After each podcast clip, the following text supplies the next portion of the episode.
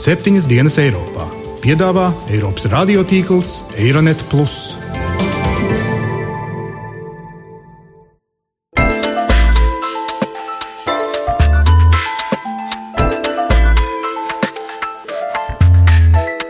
Šonadēļ septiņas dienas Eiropā dzirdēsim, ko mēs grasamies ar šo Eiropas projektu darīt. Nacionālismu un populismu vilnis. Krievijai nedrīkst ļaut no šīs situācijas atkāpties nesodītē. Eučaļi, kaut kas nav kārtībā, ko jūs darat?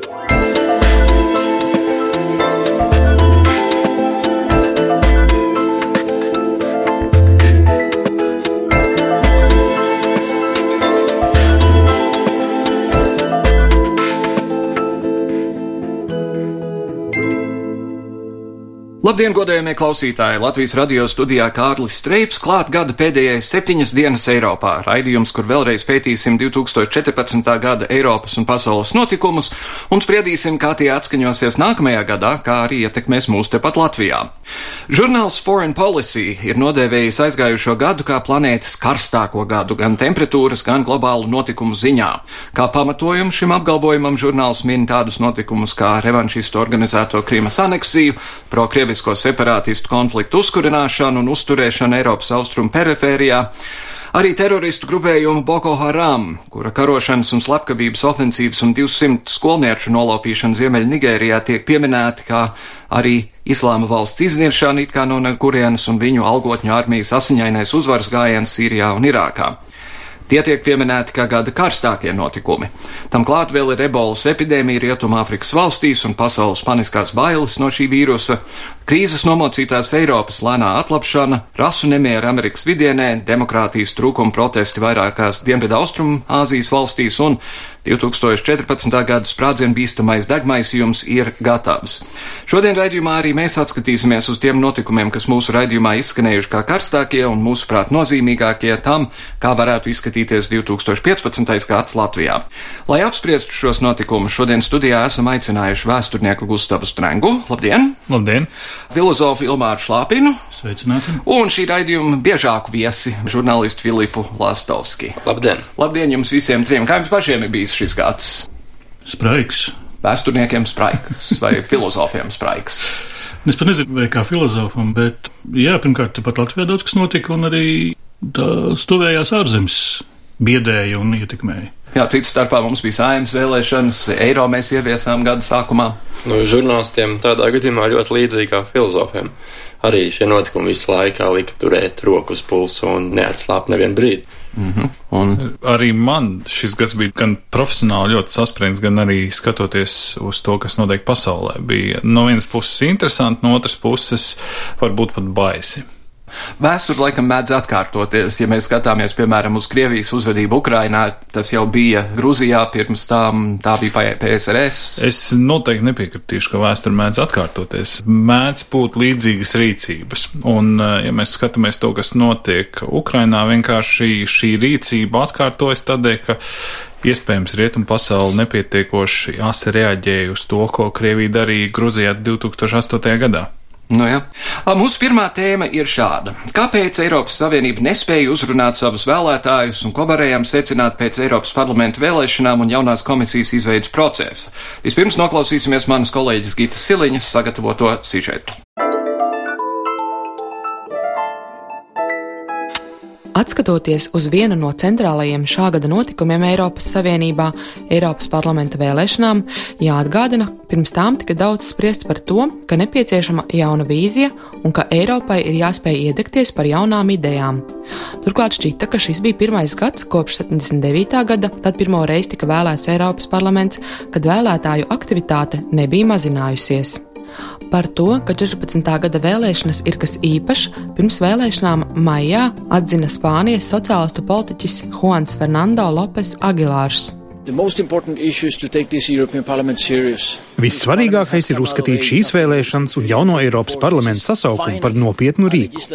Beidzot top īsts likumdevējs - leģislatīva institūcija, kas rada likums ne tikai par veselības vai iekšējā tirgus jautājumiem, bet arī par fundamentālām tiesībām - krimināla likumu, kopēja Eiropas ārējo robežu politiku, par patvērumu meklētājiem un ļoti daudz ko citu, kam tiešām ir nozīme.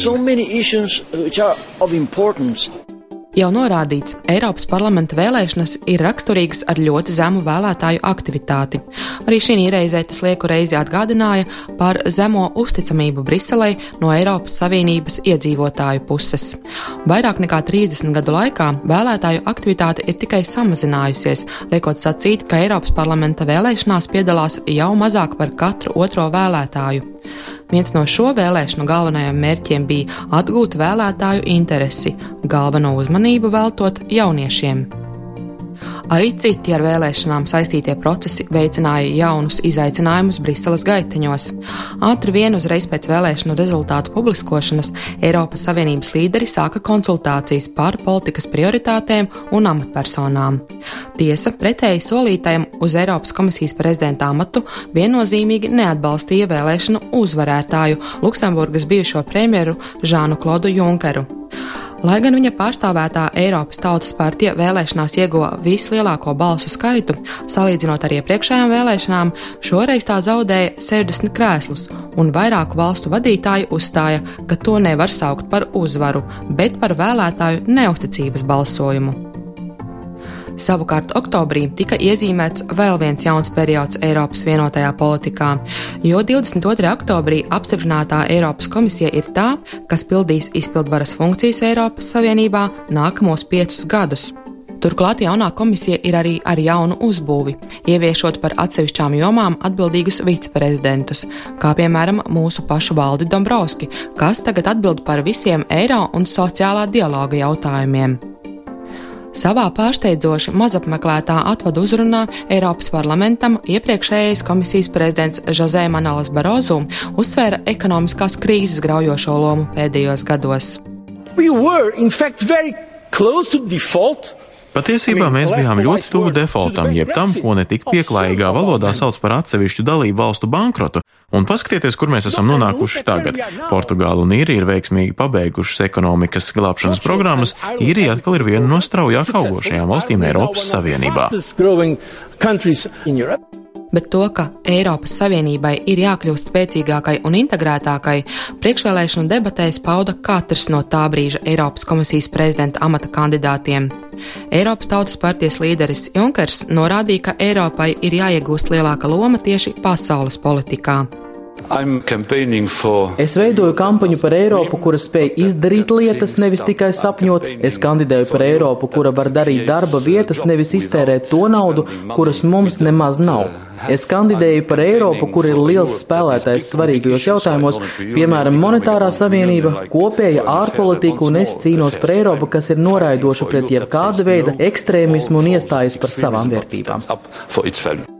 Ir skaidrs, ka konservatīvās un ietekmīgās valstis, kā piemēram Vācija, turpinās aizstāvēt taupības politiku, bet dienvidnieki sev raksturīgajā manierē turpinās klaigāt, ka taupība dzēn tikai lielākā postā. Jaunais Eiropas komisijas prezidents Žants Klods Junkers pirms apstiprinājuma balsojuma gan piesolīja novirzīt papraus līdzekļus ekonomiskās izaugsmas stiprināšanai, bet nu jau novembrī Junkers nāca klajā ar varana investīciju plāna projektu, kuram būtu jābūt Eiropas pēdējai iespējai pieejai. Un tomēr paliek jautājumi, piemēram, kāpēc Eiropas Savienība nespēja uzrunāt tik daudz vēlētājus, cik vēlētos.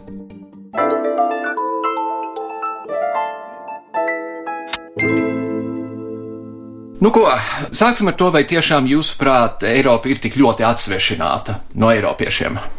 Nu, es varu atļauties sākt, tad jā, tā notiek jau kopš 1979. gada, un tā notika arī 2014. Mums bija Eiropas parlamenta vēlēšanas, un sākotnējie provizoriskie rezultāti liecināja, ka, nu, beidzot, astotajās Eiropas parlamenta vēlēšanās pirmo reizi tā vēlētāja aktivitāte būs paaugstinājusies.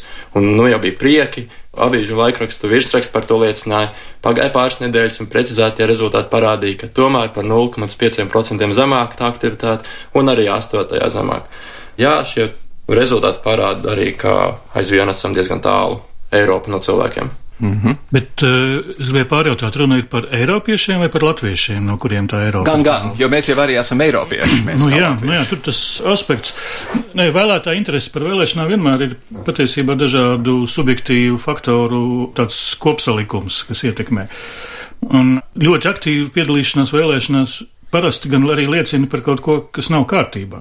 Jo, kad viss dzīvē kārtībā un valstī, tad uh, cilvēki arī mazāk par to uztraucas un domā. Piemēram, Skotijas referendumā piedalījās milzīgi liels procents skotu. Jā. Bet runājot par latviešiem un par to, kā latvieši skatās uz Eiropu, tur, tur ir tas moments, ka pirmkārt bija jāpaiet zināmam laikam un, un jāpierod un jāiekļūst tajā Eiropā katram personīgi. Otrs ir tas, ka nu, pat tagad decembrī bija publiskot rezultāti par aptauju, kārtēju aptauju par to, cik liels ir atbalsts Eiropas Savienības idejai Latvijas iedzīvotāju vidū, un šis bija rekords liels atbalsts. Es neatceros tagad precīzi cipars, bet nu, līdz šim nekad nav bijis tik liels. 60 kaut kādi procenti. Jā, tas pakāpums varbūt nebija pārāk uh, ievērojams, bet vienalga. Es domāju, ka tā ir pazīme tam, ka mēs beidzot esam pieņēmuši, tas ir vairāk pieņēmuši nekā līdz šim, to, ka Latvija ir Eiropas sastāvdaļa. Un viens no šī gada, es domāju, svarīgākajiem notikumiem, kas ir veicinājis šo kustību vai attīstību, bija nu, patiesībā Valda Dombrovska iekļūšana Eiropas struktūrās, teiksim tā, un amatos. Līdz šim tie cilvēki, kas bija tikuši par komisāriem, vai arī kaut kādos ierēģiņa amatos, vai vienkārši strādājuši Eiropas Savienības struktūrās, viņi tā kā pazuda no Latvijas. Par viņiem neviens daudz nedomāja un neatcerējās. Valds Dombrovskis tomēr ir viens no ilgākajiem premjerministriem, ilgākais premjerministrs Latvijā. Ļoti labi pazīstams un arī, arī mazliet pretrunīgs politiķis, bet Latvieši viņu tomēr pieņem kā savējo, un tagad viņš ir Eiropas darbinieks. Un es domāju, ka šī ziņa arī nostrādāja par labu tam, lai mēs saprastu, ka Latvija ir Eiropas sastāvdaļa un nav attiecības starp Latviju un Eiropu. Ir attiecības Eiropas iekšienē un ir iekšējās Eiropas problēmas, kuras Latvija var izsnākt gluži tāpat kā jebkura cita dalībvalsts.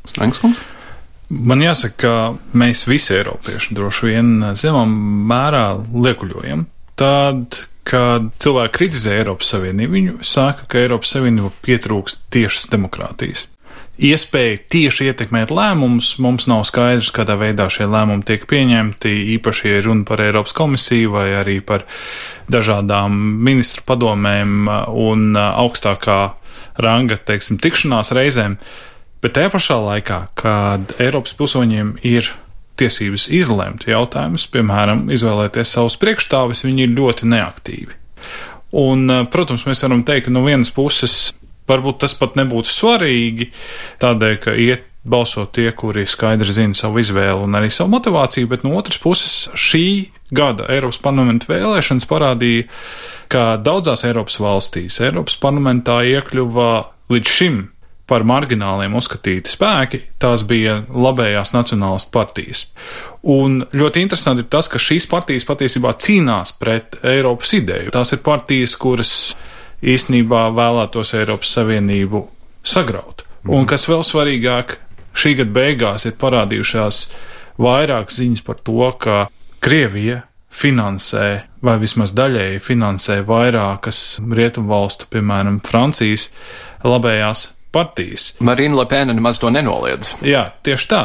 Te, manuprāt, mums būtu visiem, ne tikai latviešiem vai Latvijas pilsoņiem, bet visiem Eiropas pilsoņiem jāsaprot, ko mēs grasamies ar šo Eiropas projektu darīt. Mēs viņu varam kritizēt, un tas, protams, ir jādara, bet šeit ir arī jādarbojās līdzi Un uh, Latvijā, manuprāt, tā negatīvā tendence ir, ka mēs ļoti daudz no Eiropas pieprasām. Mēs gribam, lai mums dod lielākus tiešmaksājumus zemniekiem, mēs gribam, lai arī kohēzijas maksājumi būtu lielāki, lai Eiropa mūs vairāk atbalstītu, bet piedalīties visas Eiropas jautājumu spriešanā vai vismaz iekšēji Latvijā diskutēt par šiem jautājumiem, varbūt mēs neesam gatavi.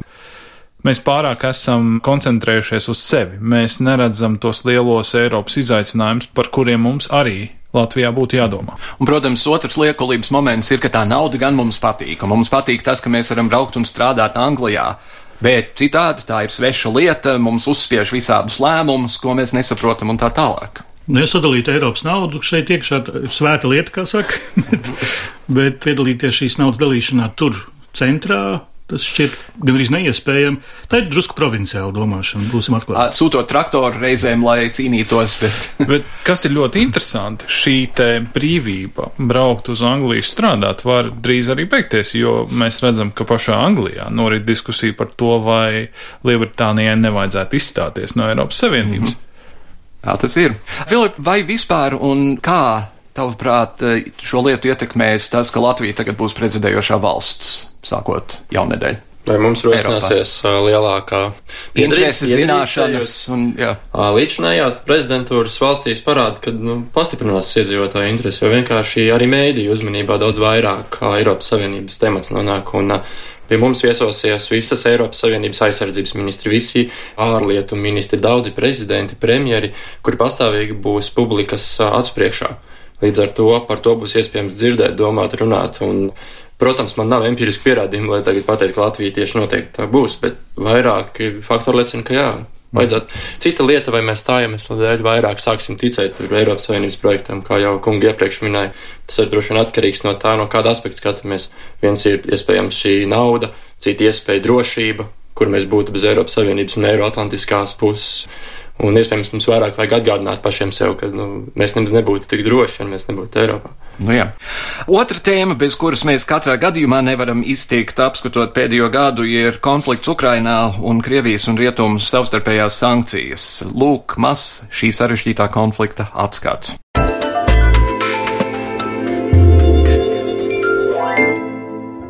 Septiņās dienās Eiropā esam šogad vairāk kārt pētījuši arī Ukrainas-Krievijas konfliktu un tā inicētās sankciju spēles. Krievijas agresīvie soļi, Krīmas aneksija un Austrumu-Ukrainas destabilizācija radīja asu reakciju. Eiropas Savienība sāka pakāpeniski īstenot virkni ierobežojošo pasākumu pret Krieviju. Arī ASV un citas rietumvalstis noteikušas sankcijas daudzām Krievijas augstākajām amatpersonām, Kremļa tuvākā loka cilvēkiem, kā arī Krievijas ekonomikas, finanšu, aizsardzības un enerģētikas nozarēm. Taču, skatoties atpakaļ, jānorāda, ka vēl janvārī un februārī, piemēram, vairumam parasto ļaužu notikumi Ukrainā bija visai neskaidri.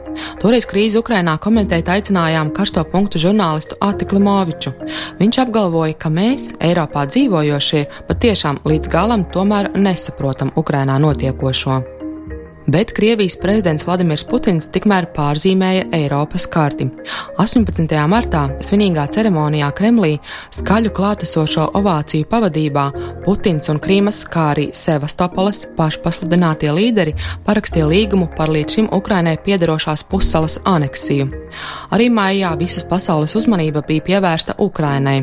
Neskatoties uz negaidīto Vladimira Putina aicinājumu separātistiem atlikt referendumu par Doņetskas un Luhānskas reģionu pašnotieku atteikšanos, separātistu līderi pakļauties atteicās un tomēr sarīkoja balsošanu.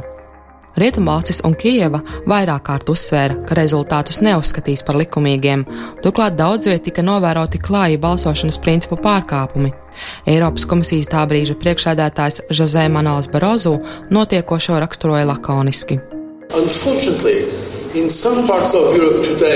Diemžēl dažās Eiropas daļās šodien saprāts neprivalē pāri spēkam, un šis nav draudz tikai Ukrainai, bet gan visai Eiropas Savienībai un mūsu kopējām vērtībām. Jūlijā pasauli satrieca jaunu vēsts par notikumiem Ukrainā. Malēža Airlines lidmašīna notriekta 17. jūlijā vakarā virs Donbasa. Gan Ukrainas armija, gan separātisti noliedza, ka būtu notriekuši lidmašīnu. Malaizijas lidmašīnas katastrofa bija jauns pagrieziens sabiedrības attieksmē pret notiekošo. Lai arī oficiālie lidmašīnas krišanas iemesli nav zināmi, tiek plaši uzskatīts, ka to ir notriekusi nemiernieku radītā raķete, ko tiem ir piegādājusi Krievija. Tikmēr Krievijas ārlietu ministrs Sergejs Lavrovs nepaguris turpināja attaisnot Kremļa īstenoto politiku un Krievijas armijas rīcības Ukrainā. Neizbēgami sava deva tika sliktajiem rietumiem un Eiropai, jo būtībā tie būtu vainojami konfliktā. Tie, Tie, kas mēģina interpretēt situāciju kā agresiju un draud mums ar sankcijām un boikotiem, tie ir tie paši mūsu partneri, kuri konsekventi mudinājuši politiskos spēkus sniegt ultimātu un atteikties no dialoga un ignorēt notiekošo Ukrainas dienvidu un austrumu reģionos, kas galu galā polarizēja Ukrainas sabiedrību. Mēs aicinām meklēt atbildīgu pieeju un atlikt ģeopolitiskos aprēķinus un pirmām kārtām saglabāt Ukrainas cilvēku intereses ukrainskого народа. Eiropas Savienības politiķi no notikuma uz notikumu revidēja savas reakcijas. Decembra sākumā par sevi lika runāt Vācijas kanclere Angela Merkele. Uzstājoties Vācu ģimenes uzņēmumu kongresā Berlīnē, Merkele mainīja savu līdzinējo toni un paziņoja, ka pret Krieviju tomēr ir nepieciešams turpināt vērst ekonomiskās sankcijas, kas novembrī tika piebremzētas. Mēs nenogurstoši strādājam pie diplomātiskiem krīzes risinājumiem. Diemžēl šī krīze turpina pārkāpt Ukrainas teritoriālo integritāti. Tādēļ, kamēr Krievija neveiks nopietnus pasākumus situācijas uzlabošanā, mums ir nepieciešamas ekonomiskās sankcijas. Tās ir neizbēgamas, lai gan zinu, ka no tā cietīs Vācijas un Eiropas ekonomika. Par spīti no jau ikdienišķajiem Krievijas militāro spēku, NATO alianses valstu gaisa telpas un jūras robežu pārkāpumiem, bijušais NATO ģenerālsekretārs Anders Foks Rasmussens iepriekš tika norādījis, ka krīze Ukrainā, viņa prāt, nav sākums jaunam augstajam karam, jo augstā kara laikā bija ideoloģiska konfrontācija, taču tagad notiek kaut kas pilnīgi cits. Tomēr jāatgādina, ka NATO samita laikā tika lemts par spēku un bruņojuma papildināšanu un ātrās reaģēšanas vienību izvietošanu Baltijas valstīs.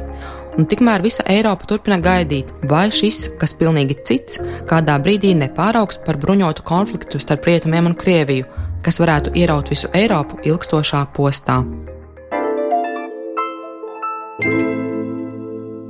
Nu, šis ir pietiekami sarežģīts jautājums. Sāksim ar to, ka Krievija pat labam iet cauri milzīgi, milzīgi lielām finanšu grūtībām, budžeta grūtībām, valūtas grūtībām. Te gan drīz ir jālūdz skatīties uz priekšu, kā tas varētu attīstīties tālāk, jo ir cilvēki, kas saka, ka Putins, ja viņš ir iedzīts stūrī, kļūs vēl agresīvāks un negantāks. Ir citi, kas uzskata, ka, ja Krievija piespiedīs uz ceļiem ekonomiski, tad pašā Krievijā sāksies kaut kādas pārmaiņas, varbūt uz labo pusi. Tas, protams, nedaudz smieklīgi izturēties pret Krieviju kā pret tādu noslēpumainu dzīvnieciņu, mēģināt prognozēt, kā viņš reaģēs, ja viņi pabaksta tā vai pabarot tā. Bet no otras puses skaidrs, ka Krievijā aizvien vairāk pēdējos, nu, 3-4 gados attīstās, nu, tāda politiskā liekulība, ka tiek runāts viens, domāts pavisam kaut kas cits, bet darīts vēl trešais. Un uh, normāli sarunāties un vienoties un saprast Krievijas ne tikai ārpolitiku, arī tās iekšpolitiku ir droši vien grūti no ārpuses skatoties. Bet uh, tas, kas mums ir svarīgi, varbūt svarīgi to neaizmirst, ka šis konflikts vismaz formāli lielā mērā bija saistīts ar Ukrainas vēlmi tuvoties Eiropas Savienībai. Un aizvien vairāk iekļauties kaut kādās Eiropas Savienības lietās, tas nozīmē Nu jā, ko, tas nozīmē, ko tas nozīmē mums un ko tas nozīmē Eiropai? Kā to Eiropa un kā to mēs uztveram, vai mēs atbalstam Ukraiņas vēlmi piedalīties Eiropas dzīvē, un arī tas nozīmē mūsu dzīvē, vai tieši otrādi mēs varbūt vēlamies uzbūvēt jaunu dzelzs priekškaru. No, Kaut vai domājot, nogriezt, nogriezt tā ir milzīga, milzīga valsts, ja tai būs brīvas ceļošanas tiesības. Ui, ui, ui. Jā, Filip? Mazliet uh, biedē tas, kas šobrīd notiek ar, nu īstenībā ļoti biedē tas, kas notiek ar uh, rublu, piemēram, Krievijā šobrīd. Jo visu šo gadu Lielākoties Eiropas Savienības attieksme pret Krieviju Ukraiņas kontekstā bija apzīmējama karikatūrās. Eiropas Savienība tika izsmieta laikrakstos, ka šīs sankcijas un mūžīgi jāizrādījumi, ka nu mēs nosodam, nu mēs nosodam, neko nedara. Tagad ne tikai Eiropas Savienības sankcijas, bet kopā ar arī ASV šīs rīcības ir novedušas gan pie naftas cenu krišanos, gan arī pie rubļu vērtības krišanās. Tas bija komplekss pasākums ilga laika posmā, kas beidzot parādīs, ka ir šī ietekmes Krievijam. Un tagad ir daudzos cilvēkos un prātos ir tāds kā uzvaras mirklis un prāts, ka, hei, mēs gadu mēģinājām, mēģinājām, un tagad ir beidzot ir tās rezultāts. Bet man nav nejausmas, pie kā viņš novedīs. Jo gan Krievijai ir pašai aizvien savi resursi, gan tur centrālās bankas finanšu uzkrājumi diezgan pamatīgi, gan iespējas ar procentu likmēm tur manipulēt un strādāt. Šobrīd var likties, ka mēs esam kaut ko uzvarējuši vai ieguvuši vai panākuši, bet patiesībā tas, pie kā tas novedīs, kaut vai tuvāko mēnešu laikā, nav, manuprāt, prognozējums nevienam labākajam ekonomistam. Jo mēs nezinām kaut vai, kas notiks ar naftas cenām. Jā. Vai tā tālāk. Jāsaka, ka tas cilvēks, kurš spējas prognozēt, kāda būs turpmākā Vladimira Putina rīcība, šis cilvēks noteikti iegūs Nobel prēmiju. Vai būtu vismaz pelnījis iegūt Nobel prēmiju, jo man jāsaka, ka, manuprāt, tas pat patiesībā ir neiespējami pateikt, ko Putins darīs, vai kāds no mums varēja iedomāties pirms gada, ka Krievija vienkārši ievadīs savu karaspēku kādas citas valsts teritorijā un daļu no šīs teritorijas anektēs. Patiesībā tas šķita... Varējām gan, viņi to izdarīja pirms sešiem gadiem Gruzijā. Jā, jā, bet uh, to viņi izdarīja Gruzijā. Gruzija ir tālu, bet īstenībā tas, kas notika tagad, tas notika ļoti tuvu mums, ja mēs salīdzinām. Protams, tā arī ir melnā jūra. Nu, Gruzija kaut kādā ziņā bija tuvāk Latvijai pirms astoņiem gadiem nekā Ukraina. Jā, jā, bet tās, manuprāt, Patiesībā tas, kas šeit notika, tas noteikti bija šoks ļoti daudziem Rietumē Eiropā un par Eiropas politiķiem vai vispār par Eiropas reakciju pirmo pusgadu gan pat Krievija, gan arī citi vērotāji smējās. Te pašā laikā mēs redzam, ka šī reakcija ir bijusi lēna, varbūt pārāk lēna, bet konsekventa. Un jāsaka, ka arī šeit Latvijā Protams, ir daudzi cilvēki, kuri ir neapmierināti ar šīs krīzes sekām, ekonomiskajām sekām, un kas ir ļoti interesanti. Šīs krīzes sekas nav Eiropas Savienības sankciju rezultāts, bet gan Krievijas sankciju rezultāts pret Eiropas Savienību. Un šīs te Krievijas ieviestās sankcijas dažādu valstu pārtiks produktiem patiesībā kaitē noteikti daudz vairāk pašiem Krievijas iedzīvotājiem, bet, protams, arī kaitē ražotājiem tajās valstīs, kuras visvairāk eksportējas pārtiku uz Krieviju. Un arī tas, protams, ir kaitējis Latvijas ražotājiem. Mm -hmm. Bet, ja mēs paskatāmies, lai gan netik ļoti, kā bija domāts. Jā, bet, ja mēs paskatāmies tā, Latvijas iedzīvotāji, manuprāt, ļoti saprotoši reaģē pret to, kas notiek, un noteikti lielākā daļa no mums saprot, ka Krievijai nedrīkst ļaut no šīs situācijas atkāpties pilnīgi nesodītē. Jā. Pagājušajā nedēļā šajā raidījumā man bija mācības spēks no vidzemes augstskolas, kuram es jautāju to pašu, ko es tagad jautāšu jums, respektīvi, vai nebūtu laiks vienkārši, lai šos jautājumus virzītu ātrāk uz priekšu, uzlikt vēl masīvāku spiedienu Krievijai, piemēram, izslēdzot viņu no SWIFT sistēmas un pasaules finanšu sistēmas. Profesors atbildēja profesoriski. Es nezinu, ko klātesošie par to. Bet tas nav jau nolemts jautājums. Par, nē, par to pilnīgi, pilnīgi viņu izslēgt no starptautiskās finanšu aprites. Nē, pat labi, ir atsevišķas mm -hmm. bankas un atsevišķi uzņēmumi, pret kuriem ir sankcijas vērstas. Bet Irāna, piemēram, izslēdz no SWIFT sistēmas, tad, kad Irāna ņēmās ar kodolieročiem, Irānas tautsēmniecība sabruka momentā. Man šķiet, ka šāda izslēgšana un izolācija ārpolitiska var labi nostrādāt īstermiņā, panākot kaut kādus ātrus notikumus vai lēmumus. Šāds spiediens var darboties īstermiņā, savukārt ilgtermiņā tas noved pie daudz bēdīgākām sakām, kā mēs redzam ar Ziemeļkorejas gadījumu, vai tas pats padomju Savienības gadījums ar augsto karu un, un to visu. Jo totalitāra valsts vai autoritāra valsts, kas tiek izolēta, protams, ka var daudz vieglāk saglabāt savu varu iekšpolitiski. Un, uh, tas pats attiecas arī, piemēram, uz tiem mūziķu koncertu, teātru izrāžu atcelšanu, viesizrāžu atcelšanu.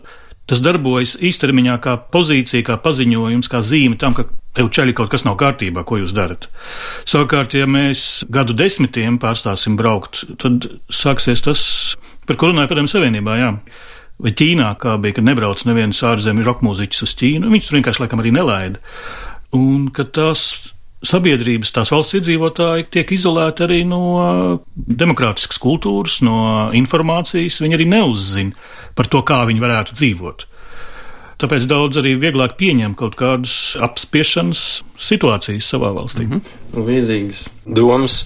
Pirmkārt, ja mēs runājam tādās kategorijās, kā vai mēs varam uzveikt Putinu, Tad ar šādiem instrumentiem un īslaicīgi arī Krievijas ekonomiku, jā, ja mēs gribam panākt to, lai arī sankciju rezultāts un komunikācija ar Krieviju noved pie režīma maiņas un demokrātiskāka režīma kļūšanas, ja tas vispār ir iespējams, tad šāds solis būtu par sliktu, jo vēsture pierādījusi to, ka, un šeit man Strēngas kungs, protams, varēs izlabot, bet to, ka ja valsts tiek izolēta, tad valsts līderi arvien vairāk un vairāk iegūst spēju vainot ārējos ienaidniekus un tādējādi vairāk mobilizēt uh, sabiedrības daļu. Kā tas ir bijis ar Lukašenko Baltkrievijā? Piemēram, jā, un līdz ar to, vai mēs vēlamies tādu kaimiņu, jo mēs jau runājam tas, ko mēs darīsim, tas, ko darīs Eiropas Savienība, tas novadīs pie tā, ar kādu Krieviju mēs dzīvosim blakām. Vai mēs gribam dzīvot ar demokrātiskāku, vai mēs gribam ar sabaidītu, ievainotu, sakropļotu lāci. Strunke kungs grib iebilst? Nē, es negribu iebilst. Es tikai gribu teikt, ka līdzinējo sankciju mērķis bija vērsties pret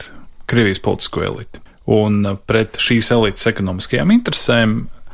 Jautājums, vai šis mērķis ir sasniegts un vai um, šī vēršanās ir bijusi veiksmīga, bet es piekristu, ja sankcijas tiktu paplašinātas, piemēram, Krievija tiktu izolēta no SWIFT sistēmas, mēs patiesībā ietekmētu pilnīgi visu Krievijas iedzīvotāju dzīvi. Un īstenībā jautājums ir, vai tas ir mūsu kā Eiropiešu interesēs, lai visi Krievijas iedzīvotāji vai nu, lielākā daļa no viņiem domātu, ka mēs esam ienaidnieki. Protams, tā propaganda pašlaik mēģina pasniegt. Pa, um, Kremļa propaganda mēģina pasniegt, ka Eiropa un Amerika ir Krievijas ienaidnieks.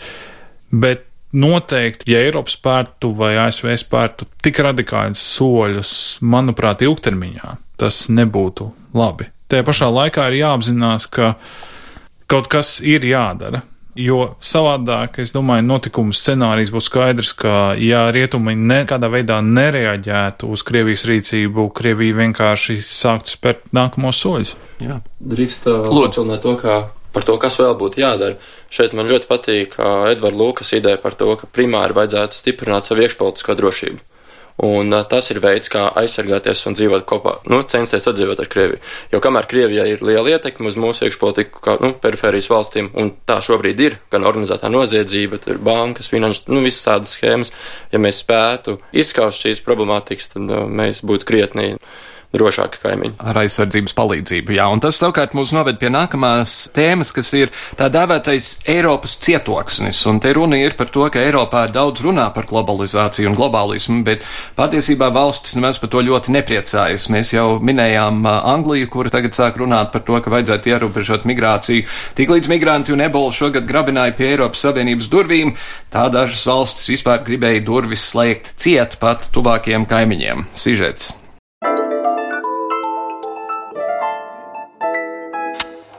Apzīmējums Eiropas cietoksnis nereti tiek lietots, lai vienoti izskaidrotu, nosauktu, kā Eiropas Savienība ievieš aizsargājošus tarifus un tirdzniecības politiku, lai izvairītos no lētāku produktu ieviešanas. Būtisks mehānisms ir arī robežu kontrolas pastiprināšana uz kopējām ārējām robežām, jo draudz ir imigrantu pieplūdums no nabadzīgākām valstīm ārpus cietokšņa. Tāpat šogad Eiropas cietoksni vēlējās ieņemt ne tikai imigranti, bet arī ebolas vīruss. Taču izrādās, ka Eiropas cietoksnī ir vēl arī savas citadeles, piemēram, Lielbritānija. Šīs valsts radikālā partija UKIP uzsvēra nepieciešamību vairāk padomāt par sevi, jo iekšējā migrācija Eiropā atņemot darbu vietējiem. Par šiem tematiem izteicies partijas pārstāvis Eiropas parlamentā Pols Natāls. Viennozīmīgi liela ietekme ir imigrācijai. Mums ir ļoti liela cilvēku kustība gan uz Eiropas Savienību, gan arī pašā Eiropas Savienībā. Liela daļa jaunu cilvēku ir bez darba, mums pašiem ir miljoniem darba meklētāji. Es uzskatu, ka darba tirgus ir pārpludināts ar cilvēkiem no Austrum Eiropas, bet mēs vēlamies dot vienādas tiesības arī saviem pilsoņiem. Savukārt tikko decembra sākumā Lielbritānijas premjerministrs Dēvids Kamerons publiskoja imigrācijas sistēmas reformu plānu, kas paredz no jaunā gada ierobežot Eiropas Savienības imigrantiem pieeju sociālajiem pabalstiem. Taču viņš atteicies no sākotnējās idejas katrai no bloka dalību valstīm noteikt individuālās ieceļotāju kvotas. Turpinot par cietokšņiem, svarīgi bija notikumi Itālijā vasarā, turklāt tie turpinās joprojām. Precīzāk notikumi vidusjūrā, pie tās krastiem. Starp aptuveni 600 imigrantiem, kuri bija ceļā uz Pacālo pilsētu, tika atrasti 30 miruši cilvēki. Turklāt pērn pie Lampedūzas salas Itālijā dzīvību zaudēja 360 cilvēki. Viņi visi vēlējās iekļūt Eiropas cietoksnī. Šogad Itālijā vien jau ir ieradušies 60 tūkstoši nelegālo imigrantu.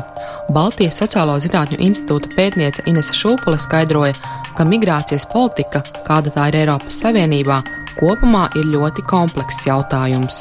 Pēdējos 20 gadus tas tiešām ir politisko debašu centrā gan Eiropas nacionālajās valstīs, gan Eiropas Savienībā kopumā. Un tā galvenā tendence pēdējie 10-20 gadi ir tā, ka sabiedrības pieprasījums ir pēc stingrākiem šiem imigrācijas likumiem, ierobežojot gan legālo, gan nelegālo, angliski to sauc par regulāro un neregulāro migrāciju. Inese Šūpule Lampedūzas gadījumu salīdzināja ar lakmusa papīrīti, kas parāda, ka Eiropa ir cietoksnis, ar ieeju gan, bet ne katram. Protams, ir ar daudziem vārtiem un daudzām iespējām arī iebraukt, bet nu, tomēr tas ir aizsargāts, un Eiropa negrib laist iekšā īpaši jau nelegālos imigrantus. Itālijas iekšlietu ministrs Anģelīna Alfāno toreiz nikni pārmeta Eiropas Savienībai nespēju un negribēšanu palīdzēt. Eiropas Savienības komisijas paziņojumi ir uz robežas ar provokāciju un izsmieklu. Viņi grib, lai skaidrojam vēlreiz, ka patvērumu prasītāji nevēlas palikt Itālijā, bet Eiropā. Šādi Eiropas pilsoņu sirdīs Eiropa mirst. Mēs to esam teikuši galotņu tikšanās reizēs, esam rakstījuši vēstules. Šī ir birokrātiskā vēstulīša Eiropa. Eiropa, kas mirušo drāmas laikā sūta un gaida vēstulītes. Sakam skaidri un gaiši Eiropai. Vai nu prezidē uz vidusjūras robežu kopā ar mums, vai arī visus tos, kas meklē politisko patvērumu, sūtīsim, kur viņi grib nokļūt. Tas ir uz pārējo Eiropu, jo viņi negrib palikt Itālijā. Taču beidzot šķiet kaut kādi vārti varētu būt iekustējušies. Tika ziņots, ka decembrī eirodeputāti aktualizējuši jautājumu par nepieciešamību pēc visaptverošas migrācijas politikas. Savukārt oktobra beigās, kā jau ziņots, jaunus draudus Eiropas cietoksnim sagādāja kāds vīruss. Lai gan Eiropas Savienības veselības komisārs Tonio Borgs akcentēja, ka ebolas vīrusa izplatības risks Eiropā ir ārkārtīgi zems un ir maz ticams, ka vīruss varētu sasniegt Eiropu, pēc dažām dienām tika izplatīts paziņojums, ka Spānijā pirmais upuris. Mēdīja ziņoja, ka Spānijas slimnīcā, kurā miruši divi Āfrikā ar ebolas vīrusu inficējušies cilvēki, ar nāvējošo vīrusu saslimusi medmāsa. Vīrusa izplatība Rietumāfrikā un pasaulē mēdīju ziņās tiek atainota teju ikdienas, un Eiropas Savienība un Eiropas valstis jau kopumā cīņai ar ebolas vīrusu, tostarp iemaksas ANO ieguldījumu fondā, iemaksājušas aptuveni 600 miljonu eiro un pagaidām šķiet, Eiropa ir spējusi mazināt iespējas ebolas vīrusam ielausties Eiropas cietoksnī.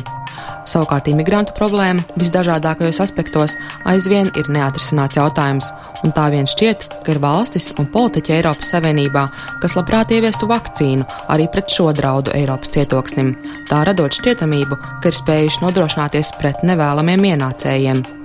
Toties jautājums paliek, vai mūsdienu globālajā pasaulē vairs ir iespējams pilnībā norobežoties no pārējās pasaules, un vai tā vispār vajag?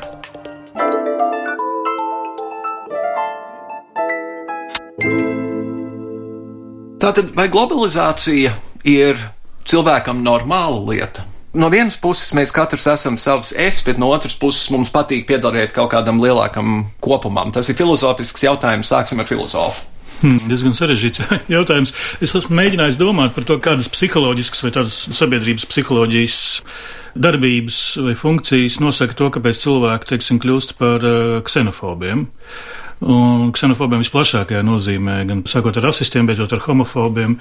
Man šķiet, ka tā ir viena universāla tomēr domāšanas īpatnība, kas katrā no mums kaut kādā slēptākā vai augstākā līmenī turpina darboties, un tā ir vēlēšanās saglabāt sevi tādu, kāds tu esi piedzimis, piemēram. Nu, šajā plašākā nozīmē arī savu valsti, tādu kādu tu viņu jā, ideāli iedomājies. Jā, tā, tā kā es vakar izgāju no mājām un uh, satiku kaimiņus, es negribu rīt satikt citus kaimiņus, man ir tas biedē.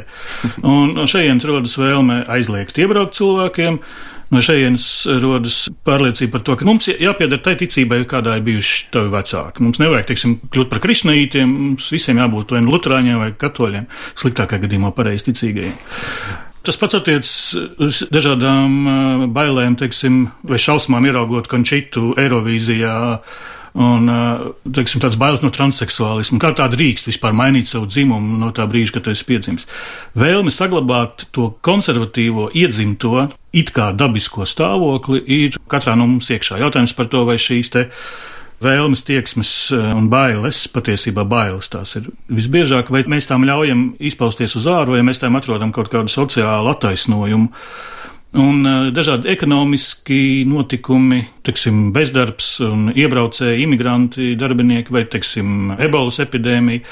Tie visi nostrādā kā tāda vēl skudru pūžņa vai lapseņu pūžņa pabakstīšana un vienkārši aktivizē tos spēkus vai tos cilvēkus sabiedrībā. Jā, es no turienes tālāk prom. Bet interesanti par to Lielbritāniju. Lielbritānija patiesībā ir viena no senākajām globalizācijas metropolēm. Nu, Londona ir pirmā pasaules pilsēta, kas laikam pārsniedz miljonu iedzīvotāju skaitu. Un jau diezgan sen. Un, jā, jā, un jau kopš faktiski 17. gadsimta beigām, šķiet, ne 18. ir pilna ar visas pasaules ādas krāsām un tautībām, un tas, ka šobrīd varētu londoniešus, piemēram, vai lielbritāniešus nobiedēt poļu santehniķi. Vai, vai latviešu celtnieki, tas nedaudz smieklīgi, nu, jo gadsimtiem ilgi tur ir dzīvojuši citu nāciju iedzīvotāji. Jā, tā, tā viņi ir pieraduši. Londonā pat labi, katrs tikai apmēram 30% iedzīvotāju ir Anglijā dzimuši vai nav ar, ar citas tautas vēsturi. Es Renks kungs, zināmā mērā, manuprāt, Eiropas Savienība ir tāds globalizācijas eksperiments. Tādā nozīmē, ka mums, protams, ir apvienoto nāciju organizācija un citas starptautiskas organizācijas, bet neviena no tām nav tik ļoti cieši sasaistīta kopā galvenokārt ekonomiskajā kontekstā, bet arī zināmā mērā politiskajā kontekstā? Nu, man jāsaka, patiesībā tas process, kuru mēs pašlaik piedzīvojam, tādas arī globālas ekonomikas rašanās Eiropā, kur nav robežu, jāsaka uzreiz, Eiropa ir piedzīvojusi laikus, Tad, kad Eiropā nebija robežu, bija brīva cilvēku pārvietošanās, arī preces pārvietojās bez muitas un nodokļiem. Un proti, ja mēs domājam par Ziemeļa Eiropu, tā viduslaikos ir Hanza tā arī ir brīva telpa, kur uh, cilvēki dodas no tirgotāja vai amatnieka no vienas pilsētas uz otru, un viņi tiek integrēti sabiedrībā. Viņiem pašiem viegli integrēties, jo tā visa Hanzas sistēma tās dalībniekiem ir ļoti viegli saprotama un arī salīdzinoši skaidri definēta. Un arī, ja mēs atceramies, tad Antīkajā pasaulē Romas impērijas laikā vidusjūra bija Romas impērijas iekšējā jūra un uh, visas zemes ap vidusjūru pirms vā, gandrīz 2000 gadiem bija savā starpā saistītas, jo viņas bija daļa no Romas impērijas. Patiesībā tas, ko mēs šobrīd piedzīvojam, nav nekas radikāli jauns, bet te ir viens bet. Mēs dzīvojam arī pasaulē pēc 20. gadsimta, pēc nacionālismu pieredzes, pasaulē, kurā Eiropā, kurā pastāv nacionālas valstis, un, protams, ka tas ir zināms izaicinājums. Uh, pieņemt, ka nacionāla valsts zaudēja savu lomu. Mēs arī redzam, ka Latvijā ir ļoti spēcīga nacionālistu kustība vai nacionālistu partija, un viņu galvenais arguments ir tieši tāds, ka mēs gribam paturēt tās vērtības, kuras ir bijušas, mēs arī gribam paturēt valstu un nāciju tādu, kādu mēs to pazīstam. Un mūžīgi. Un mūžīgi. Tad, lai gan, protams, šīs nav mūžīgas parādības, tās ir parādības, kuras ir kaut kādā brīdī radušās. Un, eh, manuprāt, mēs Latvijā patiesībā neesam gatavi šiem lielajiem globālajiem izaicinājumiem, jo noteikti arī mūsu skars imigrācija. Tas būs neizbēgami. Arī pie mums nākošo desmitgažu laikā ieradīsies cilvēki no citiem kontinentiem ar citu ādas krāsu un ar citu reliģisko pārliecību. Un man šķiet, ka mēs esam nepietiekoši par to domājuši, kādā veidā mēs reaģēsim. Un to var labi redzēt tie nabaga somālieši, kas tie iesprūda nu jau gandrīz pirms desmit gadiem. Iemācījās kārtīgi latviešu valodu, bērni gāja skolā, viss kārtībā, bet tiklīdz ierauga viņu ogles tumšā seju, tā nē, nē, nē, mēs neko darbu nevar atrast un tā tālāk. Es, piemēram, ievēroju to, kas dzīvojot savā dzīves vietā. Es daudz labprātāk satieku to turku veikaliņa darbinieku, kurš man sveicinās katru rītu, kad es eju garām, turklāt latviski. Nevis ar, teiksim, sētnieci, kas ar mani nesveicinās jau trīs gadus. mm -hmm. Interesanti arī, ka globalizācija un Eiropas Savienība savā ziņā ir tāds liekulīgs fenomens. Kā jau kunga arī minēja, šobrīd ir tiešām novērojams ļoti liels nacionālismu un populismu vilnis Eiropas Savienībā. Mēs esam gatavi balsot par partijām, kuru uzstādījumi ir ksenofobiski, kuri grib nostāties pret dažādām minoritātēm. Tajā pašā laikā mēs vēlamies labklājību. Savukārt labklājība ir iespējama tajā brīdī, ja Eiropas Savienība ir globāli konkurētspējīga. Ja mēs neesam tikai savas nacionālas atsevišķas valsts vai tikai kā Eiropas Savienība, bet mēs esam spēcīgi Eiropas Savienība globālā kontekstā. Un tur mums ir jārūpējās arī par blakus reģionu, gan ekonomisko stabilitāti, gan sociālo vidi, kas tur ir. Un tajā brīdī, kad mums vajadzētu censties risināt patiesībā, un mēs esam ieinteresēti atrisināt, piemēram, Ziemeļāfrikas migrācijas problēmas, mēs neņemam, jo mēs balsojam par populistiem, mm. taču naudu mēs gribam. Un vēl jau vairāk mēs gribam, lai tad, kad mēs braucam uz Angliju vai kaut kurien, pret mums izturās labi, Jā. lai arī mēs esam citautieši. Ar šo drusku skumjo domu, diemžēl mums ir jābeidz mūsu raidījums, mūsu laiks ir beidzies. Vēsturnieks Gustavs Strenga, filozofs Ilmārs Šlapins un žurnālists uh, Filips Lastovskis. Paldies! Paldies jums visiem trim kungi par sarunu. Paldies. Paldies. Paldies, dāmas un kungi, ka šonadēļ klausījāties. Laimīgi jums 2015. gadu atgriezīsimies šajā pašā laikā nākamnedēļ ar jaunu sezonu. Pagaidām visu labu!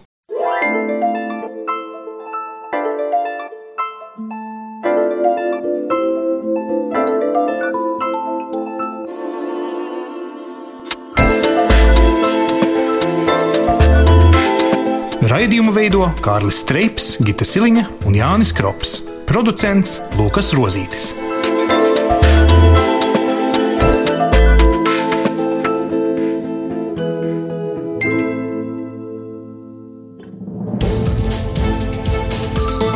Visus Eironet plus sižetus un raidījumus meklējiet Latvijas radio mājaslapā.